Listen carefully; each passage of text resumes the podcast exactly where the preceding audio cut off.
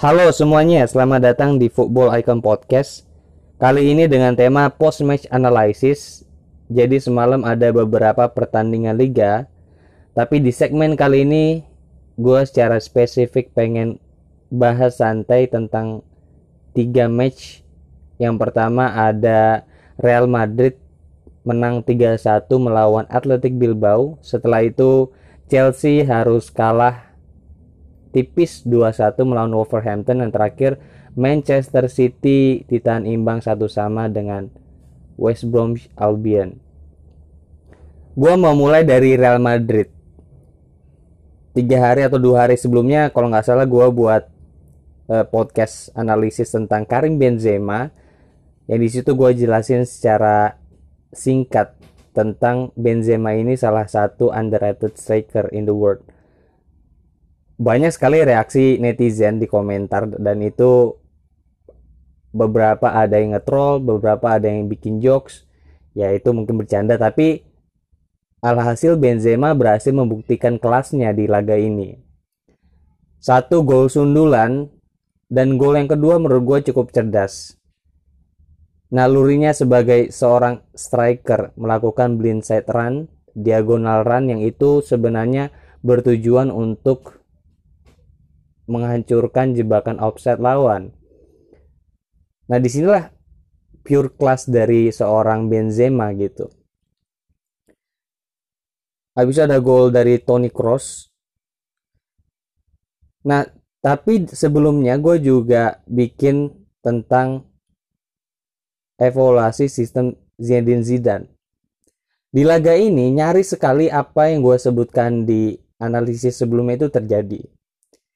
Yang gue sebut sebagai panic situation ketika Real Madrid menghadapi counter attack itu cenderung sekali ada upaya defensive error dari pertahanan. Nah ini kan kelihatan di match melawan Bilbao meskipun ya memang hasilnya pure dominance Real Madrid dan Real Madrid sebenarnya nyaris sekali ditahan imbang di akhir-akhir laga tapi counter attack-nya bisa mengamankan tiga poin gitu. Atletik Bilbao nggak beruntung karena kena kartu merah dan itu bakal jadi ujian yang berat buat sang pelatih untuk taktik selanjutnya ya akhirnya di akhir Real Madrid berhasil mendominasi permainan gitu. Kebanyakan yang gue lihat dari permainan Real Madrid ini itu fokusnya di sentral. Nah di sini gol-gol yang dihasilkan oleh Real Madrid itu dari crossing dari pemain-pemain veteran yang itu sebenarnya juga individual skill yang gue bilang gitu.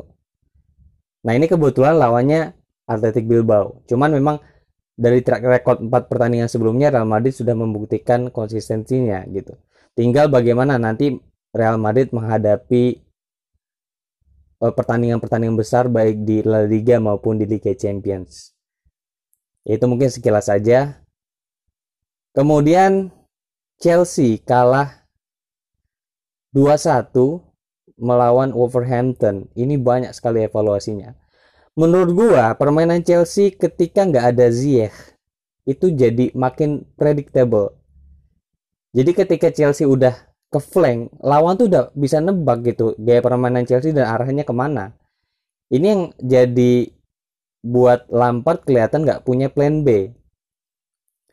Nah sebelumnya gue pernah nyinggung tentang uh, taktik analisis Frank Lampard dan juga gue pernah bahas tentang analisis Hakim Ziyech, betapa vitalnya peran Hakim Ziyech dalam skuad Chelsea. Nah, gue yakin ketika Hakim Ziyech ini nggak ada, no Ziyech, no party, Rishi James bakal kelihatan karena mungkin instruksi awalnya dia plan di bawah instruksi Lampard itu dengan Hakim Ziyech. Nah, ketika nggak ada Hakim Ziyech, kreativitas juga makin berkurang gitu. Hakim Ziyech memang perannya untuk Chelsea membuat boosting quality untuk pemain-pemain lain gitu. Nah, satu-satunya shoot on target itu juga setelah 100 menit kalau nggak salah gue baca ya. Dari pertandingan Everton itu baru shoot on target. Artinya supply ke Giroud juga itu berawal dari build up yang minim kreativitas gitu. Ada beberapa peluang emas dari sundulan Zuma dan Giroud cuman nggak bisa dimaksimalkan nah ketika satu sama Chelsea main bertahan Terus yang gue evaluasi lagi ya, kalau menurut pandang gue pribadi adalah Havertz ini mending gak usah dimainin dulu untuk skuad Chelsea. Gue sempat singgung kalau nggak salah tentang double egg di lini tengah Chelsea itu yang paling ngasih efek buat tempo permainan gitu. Jadi kalau misalnya di tengah mending Mason Mount dan Kovacic gitu Kante ya jelas nggak tergantikan. Menurut gue lebih berguna masang Kovacic daripada Havertz. Havertz masih butuh banyak adaptasi.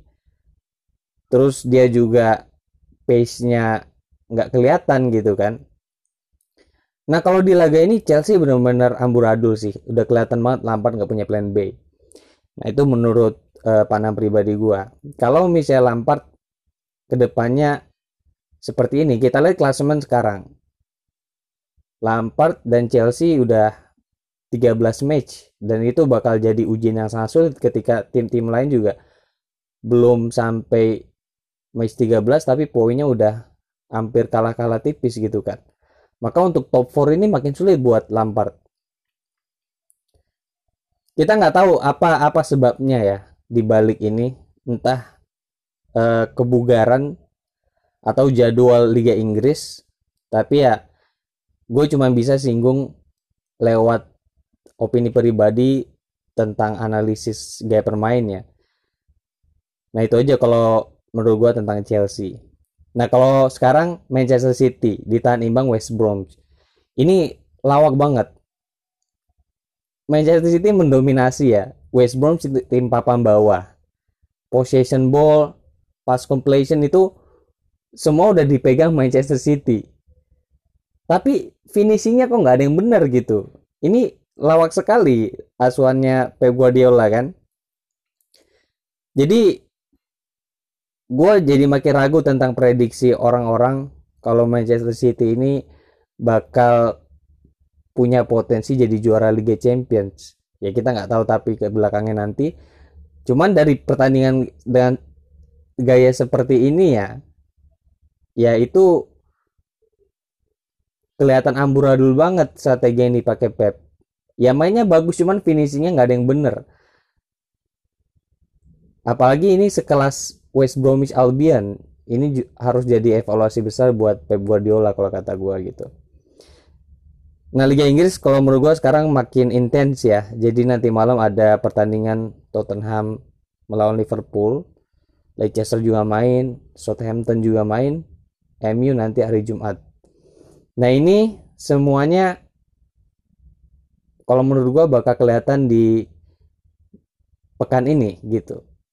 Jadi makin kelihatan nanti mana yang konsisten mana yang enggak karena sekarang selisih poinnya udah kelihatan krusial, makin krusial di setiap match gitu.